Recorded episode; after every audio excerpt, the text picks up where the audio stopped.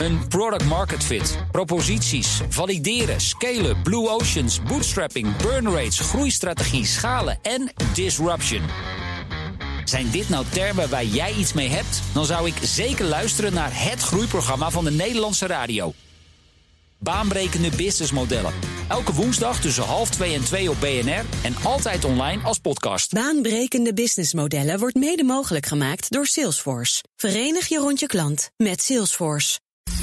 Economenpanel. Wanneer leiden de renteverhogingen van centrale banken nou echt tot een lagere inflatie? En de Nederlandse Bank waarschuwt dat te grote loonsverhogingen schadelijk kunnen zijn voor onze economie. Misschien zelfs kunnen leiden tot een loonprijsspiraal.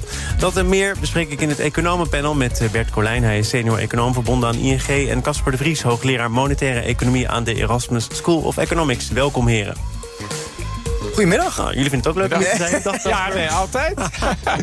We gaan het hebben over die renteverhogingen. Want eh, de Federal Reserve en de Bank of England hebben afgelopen week de rente met 75 basispunten verhoogd. In een poging om de inflatie te beteugelen. En aangezien de inflatie nog bepaald niet op het gewenste niveau ligt, waarschuwen die banken ook dat het einde van de renteverhogingen nog niet in zicht is. Dit zei Andrew Bailey van de Bank of England afgelopen donderdag. So why are we doing it? And why are we doing it now when so many people are already struggling with higher energy and food prices? Well, quite simply, we're increasing bank rate because inflation is too high. And the bank's job to bring it down. Een centrale bank heeft als eh, belangrijkste taak om die inflatie te beteugelen. Maar Casper, uh, bewijzen die recente renteverhogingen niet dat het geen klap uitmaakt? Want die inflatie die gaat nog bepaald niet naar beneden. Je moet daar kijken uh, naar de oorzaken van de inflatie. kijken. Dat is heel verschillend voor Amerika versus Europa. Europa heeft gewoon een enorm energietekort. En daar is een groot deel van de inflatie komt door de prijsverhogingen die van buiten komen, ja, daar kan de centrale bank, het is aanbodinflatie, kan daar eigenlijk niks aan doen. In Amerika is die inflatie veel sterker zelf georganiseerd door de checks die de verschillende regeringen uitschreven aan, aan de mensen tijdens de coronapandemie. Het willen ze een beetje verhitten van die dus economie. Dus wat aan doen. Ja, daar kunnen ze wel wat aan doen. Ja, maar dat is vraaggedreven. En eigenlijk het belangrijkste instrument wat uh, centrale banken hebben, uh, grijpt aan op de, aan, uh, aan de vraagkant. Ja. Ja, Klaas Knot zei daarover. Uh, ik ken de beperkingen van dat rente-instrument, maar het is wel ons enige instrument. Dus daar doen we het voorlopig maar even mee, Bert. Ja, precies. Nou ja, goed, hè, dat is natuurlijk het, het, uh, het, het, lastige eraan. Uh, je, moet het er, je moet het ermee doen, maar de vraag is dan hoeveel moet je daarmee doen? Um, als het instrument niet het, het, het instrument is wat nou het makkelijkst erop kan, kan ingrijpen. Um, de, ECB blijft inderdaad vooralsnog de rente verhogen ook. we hebben natuurlijk in oktober ook van de ECB gezien. 75 basispunten er nog een keertje bij. En ook in december lijkt de ECB nog een keer de rente flink te gaan verhogen. Want er wijst eigenlijk in de tussentijd nog niet echt echt iets op dat ze daarmee zullen veranderen. Iedereen zegt dat eigenlijk binnen de ECB dat december zeker nog een keer een, uh, een flinke renteverhoging zal, zal krijgen. En daarmee probeert de ECB eigenlijk uh, ervoor te zorgen dat de loonprijsspiraal, nou we gaan het er straks nog over hebben, uh, om dat eigenlijk te, te voorkomen, om ervoor te zorgen dat deze aanbodschokken die we nu zien in de economie, komende voornamelijk vanuit de energiekant, dat die beperkt blijven tot een relatief eenmalige impact. En wat is een, een flinke renteverhoging overigens. Want uh, daarover wordt natuurlijk nu steeds meer gespeculeerd. Hè, dat het uh, in dit tempo met deze stappen niet uh, kan blijven voortduren. Dus dat centrale banken misschien toch wat minder grote stappen gaan nemen, Bert? Ja, nou ik zou zeggen dat, dat de december verwachten wij dat de ECB nog een keer 50 basispunten doet. En als we Klaas Knot daarover horen, um, die zei dat je moest denken aan 50 tot 75. Nou is Klaas Knot dus een van de mensen die altijd pleit voor een hogere renteverhoging binnen het ECB-bestuur. Dus als hij al de 50 ook noemt als een, een, mogelijkheid, dan is die kans is, is reëel. Nog even terugkomen op uh, waarom de ECB uh, niet zoveel kan doen aan die hogere inflatie. De andere kant, de regeringen kunnen daar wel iets aan doen. En dan is het dus helemaal niet behulpzaam wat de Nederlandse regering uithaalt. Die ongeschreven checks à la VK uitschrijft. Die op kunnen lopen tot 40 miljard. Het is echt ongelooflijk. Alleen Nederland wordt wat minder hard afgestraft. Omdat wij uh, nog een lage schuld hebben. En in de, in de euroruimte zitten. Maar het, het beleid van regeringen moet zich ook aanpassen. En dat wordt veel te weinig genoemd. Ja, en het interessante daarin is, is dat je ook van overheden juist heel uh, vocaal en expliciet hoort dat de ECB uh, het een beetje rustig aan moet doen met die renteverhogingen. Hebben we natuurlijk, eigenlijk is daar altijd een beetje een ongeschreven regel dat de politiek zich daar niet mee bemoeit. Eigenlijk een hele expliciete regel is dat. Maar we horen nu toch vaker gemor. Uh, vanuit Frankrijk hoorden we het, van Macron. en we hebben het vanuit Italië en Finland gehoord. En daarbij zie je eigenlijk dat de politiek momenteel zich heel erg zorgen maakt met deze winter. Um, komen mensen daar een beetje redelijk doorheen? Kan de economie dat aan? Maar dat kunnen ze zelf oplossen. Dat, ja, en daar, daar, daar kan de ECB niks aan doen. Dus gewoon onzin, inderdaad, wat, wat die regeringsleiders zeggen. Wat kunnen ze dan zelf oplossen? Op welke manier? Nou, Help ons de winter door, Casper. Je hebt het nu zelf gezegd. nou ja, het, uh, het Prinsjesdagbudget van de regering was nog prudent. En daar ging er geld van de, uh, de mensen die beter af zijn... ging uh, naar de lagere inkomens. 10% minimumloon omhoog. Dat helpt. maar een ongedekte cheque uitschrijven, dat, dat helpt echt niet. Maar wat stel je dan aan aanvullende maatregelen Want dat maakt veel meer kapot dan dat het oplost. Nou, het geeft inderdaad risico's voor de langere termijn. En daar wordt door veel economen voor gewaarschuwd. Hè, dat uh, het een goed idee is om toch vooral de mensen die het uh, heel moeilijk kunnen krijgen deze winter door de hoge uh, energierekening, om die te steunen. maar om het vooral niet te breed te doen. Om ervoor te zorgen dat je niet te lang met die hoge inflatie te maken hebt. het IMF waarschuwt daar bijvoorbeeld ook, ook voor. Maar Bert, zie jij ook een hele duidelijke parallel tussen wat er in het Verenigd Koninkrijk gebeurde met catastrofale gevolgen? En uh, misschien iets netter uitgevoerd wat hier in Nederland zich plaatsvindt? nou, het, het, het, het is geen, uh, geen regering trust wat we, uh, wat we hier natuurlijk zien. Maar je ziet inderdaad dat Nederland natuurlijk toch al wel een, al wel een tijdje vrij expansief beleid voert. Hè. de begrotingstekort blijft relatief hoog. Zeker voor een land. Is dat niet heel netjes geformuleerd, Bert? Dat vind ik keurig geformuleerd. Ja, nou, maar, maar, nee, maar, Handschoen uit! maar met een. met een, een het kan helemaal uit de hand lopen waar ze mee bezig zijn. Ja, maar goed, het lastige is natuurlijk ook dat, je dat, dat wat hier natuurlijk doorheen begint te fietsen, is een recessie. Want ondanks dat er natuurlijk enorm gesteund wordt, is het zo dat we zien dat de reële inkomens nog steeds uh, flink in zijn achteruit staan door de hoge inflatie die we zien. Dus wat dat betreft is het toch ook wel weer anders dan wat we in de jaren 70 zagen. En is de vraag of je niet, ondanks deze steun, je toch gewoon ziet dat de economie in zijn achteruit gaat. Eh, als we gewoon heel kort op de bal kijken naar onze pintransacties die er bij ING plaatsvinden, dan zie je dat die sinds mei eigenlijk uh, gepiekt hebben, of in mei gepiekt hebben, en dat we daar inmiddels onder zitten. Um, en dat ja, ondanks alle steun eh, de economie het, uh, het toch best moeilijk begint te maar krijgen. Maar dat is ook logisch, want ja, die energieprijs moet betaald worden. En we zijn met z'n allen gewoon collectief 10% armer geworden. En ja, waar het, het gevecht tussen bonden en, en werkgevers nu over gaat, van wie betaalt het uiteindelijk? Ja, uiteindelijk betalen we het met z'n allen. We moeten gewoon realistisch zijn. Dat is ook zo. Dat is ook zo absoluut. Ja, maar, maar het is natuurlijk wel zo dat, hè, dat in een economie die zo uh, oververhit is als wat die tot nu toe geweest is, het is een gek moment, omdat je toch op een soort kantelpunt lijkt te zitten. Uh, wat, dat, wat dat misschien iets. Uh, iets Hebben we nog niet vaak eerder gehad. Hè? Dus, nee, nou, nee, volgens mij. Dit is op zich. Nou, het, het, is, het is best een bijzonder moment dat je met, met zo'n oververhitting zoiets ingaat, wat toch bij, vrij snel afkoeling lijkt te verzorgen. Toch nog even terug naar de Fed. Een economie heel veel verderop. In Amerika namelijk. Bert, je zei het al, wat hier mee gaat spelen is dat die recessie er eh, tussendoor fietst.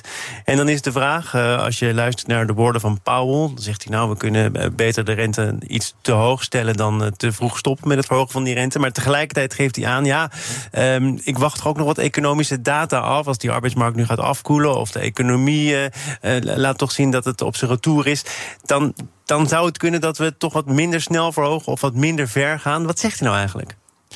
Ja, nee, het, wat hij zegt is dat we het eigenlijk niet uh, precies weten. Het is geen, geen wetenschap. Uh, zoals je een machine of een auto precies af kan stellen. Dat, dat lukt gewoon niet. Want de onzekerheden, de lange doorwerktijden van monetair beleid... die meer dan een jaar kunnen beslaan... die maken dat eigenlijk geen model goed genoeg is om dat heel precies in te vullen.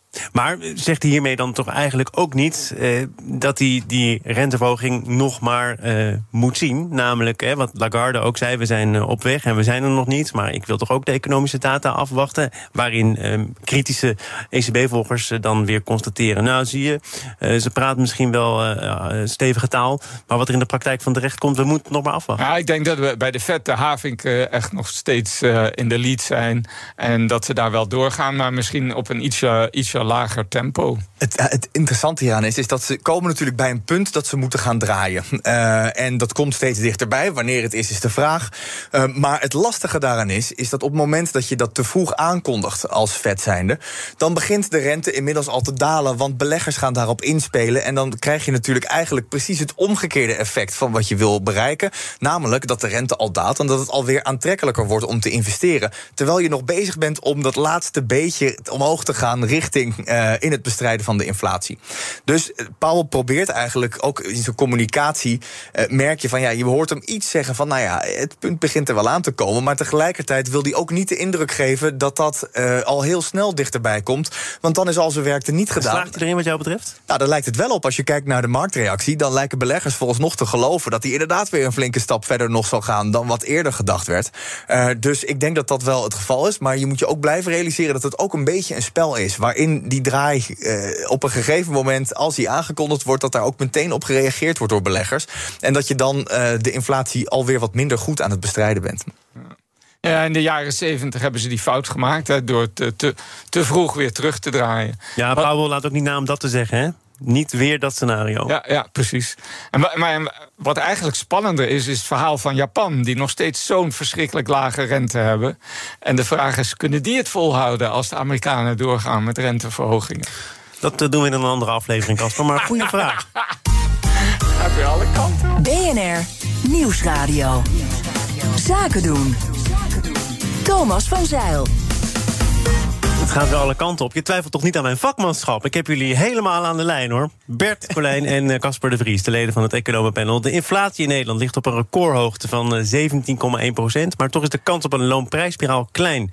Concludeert de Nederlandse bank onlangs op basis van een eigen analyse. En volgens DNB zijn de meeste bedrijven namelijk gezond genoeg. Zij kunnen de hogere loonkosten best compenseren... door iets van de winst af te snoepen. Ja, dat is een belangrijke constatering van de Nederlandse Bank. We hebben gekeken naar hoe dat bedrijfsleven ervoor staat... naar de arbeidsinkomensquote. Ook wel regelmatig onderwerp van gesprek in dit panel... en naar de winstniveaus van die bedrijven. En die denken, joh, haal het daar maar uit, Casper. Is dat uh, korte termijn denken of zit daar gewoon uh, een uh, serieuze kern van waarheid in? Uh, het onderzoek is wel gebaseerd op een, een steekproef... Die, waar weinig hoge inflatie in zit... Uh, dus de vraag is, hoe, hoe, hoe, hoe, goed kan je daarop varen?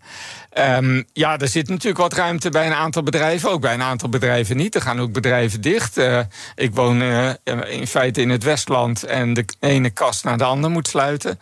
Dat is best wel dramatisch. ja, maar monetair beleid kan je nooit richten op een specifieke doelgroep. Maar hier sprak ook de hoogleraar, het model deugt niet. Ja, daar hadden we het er net het natuurlijk onderzoek over. deugt niet. Nou, het, het, het, model is gewoon... Ja, we hebben wel modellen. We weten wat er op middellange termijn gebeurt. Maar op korte termijn is gewoon onzin dat je de economie echt goed kan aansturen.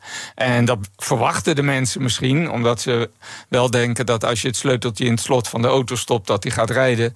Maar zo werkt het dus niet. Uh, de Nederlandse Bank zegt ook dat uh, op basis van dat model, ik haal het toch nog maar één keer aan, uh, een inflatieschok gemiddeld in vijf jaar tijd in de lonen is verwerkt.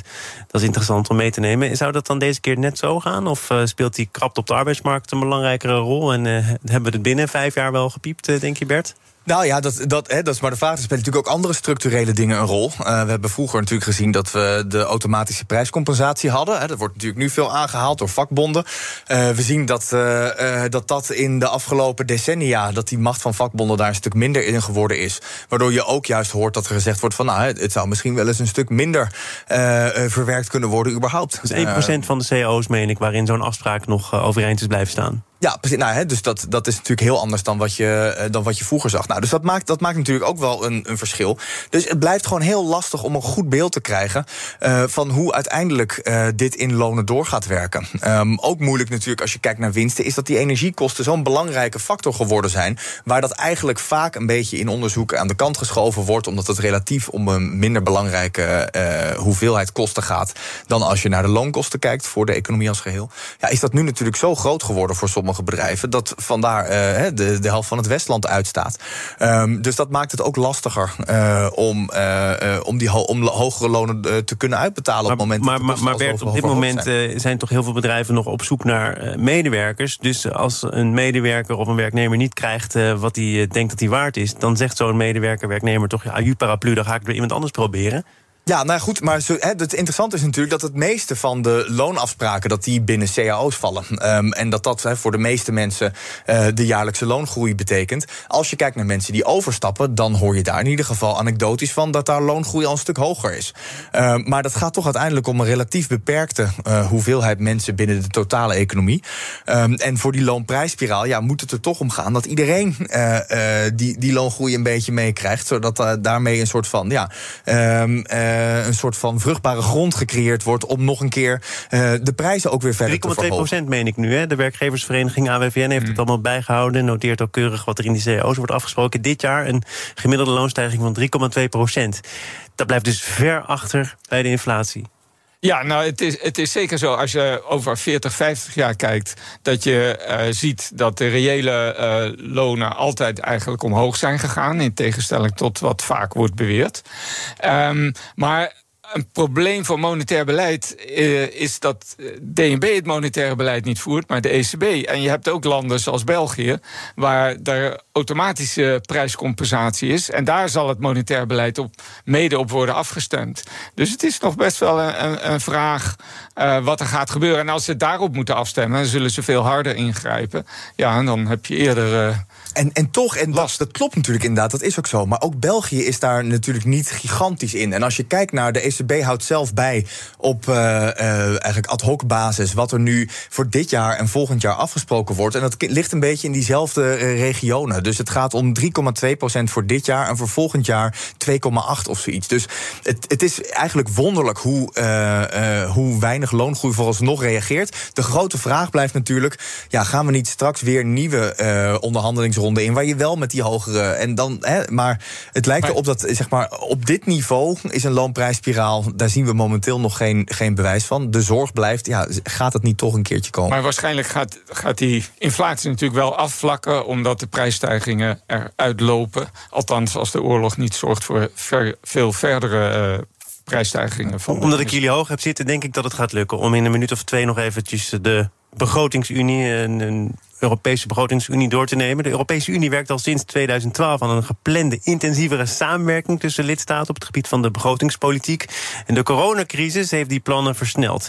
Met de instelling van het herstelfonds van ruim 800 miljard euro heeft de EU namelijk een eerste stap gezet richting een begrotingsunie. En daarover schreven Lex Hoogduin en Christian van der Kwaak een uitgebreid stuk in het economenvakblad ESB met uh, als belangrijke deelvraag: wat gaat het Nederland eigenlijk kosten? Nou, ik weet niet of we daar nog aan toe komen, maar allereerst, Casper, zou het überhaupt een goed idee zijn om tot een gezamenlijke begrotingsunie te komen? Nou, je, je ziet dat gebeuren. Er zijn allerlei notities, bijvoorbeeld van Blanchard, bekende econoom, uh, van Franse, Italiaanse economen, die zijn er heel erg mee bezig. Nederland die werkt dan weer een beetje de andere kant op. Uh, de vraag is, uh, kijk, op zich is het eigenlijk uh, een, een, toetreding tot de euro uh, deel 2. We zouden de kans kunnen grijpen om nu goede voorwaarden te stellen. En dan is er best wel op onderdelen wat voor te zeggen. Bijvoorbeeld op, op gebied van defensie, dat noemen de auteurs zelf ook. Ja, een deel van de begroting wordt dan overgeheveld naar Brussel. Ze hebben volgens mij een parallel getrokken met de Verenigde Staten. Daarin gaat het dan over een federale begroting van ongeveer 20% van het BBP. Nou, uh, plak dat op de Europese Unie en je hebt in ieder geval een voorbeeld.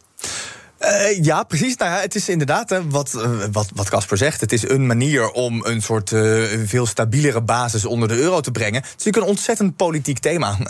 en een politieke keuze of je zoiets uiteindelijk wil doen. Net zoals het toetreden tot de euro dat uiteindelijk natuurlijk maar ook als je aangezegd hebt, is dit dan B? Uh, voor een, uh, een, een, zeg maar een stabiele euro zou dit uiteindelijk een soort eindpunt zijn. Waarbij je een stuk stabielere basis onder de euro hebt. En je veel minder zorgen zou hebben over wie er uiteindelijk uit zou trekken. En waarom zou je dat niet willen, een stabielere euro, als het toch je gezamenlijke munt is? Nou, dat is natuurlijk waar dit stuk uiteindelijk ook om gaat. dit stuk gaat natuurlijk om van ja, hè, dat, dan, dan heb je dus te maken met, met geld wat structureel gaat vloeien tussen lidstaten om dat houdbaar te maken. en dat is natuurlijk iets wat politiek heel lastig ligt. We denken maar aan de eurocrisis, waar er een hoop mensen in Nederland tegen waren dat er meer geld naar Griekenland ging. Nou, die mensen zou je daarvoor moeten overtuigen.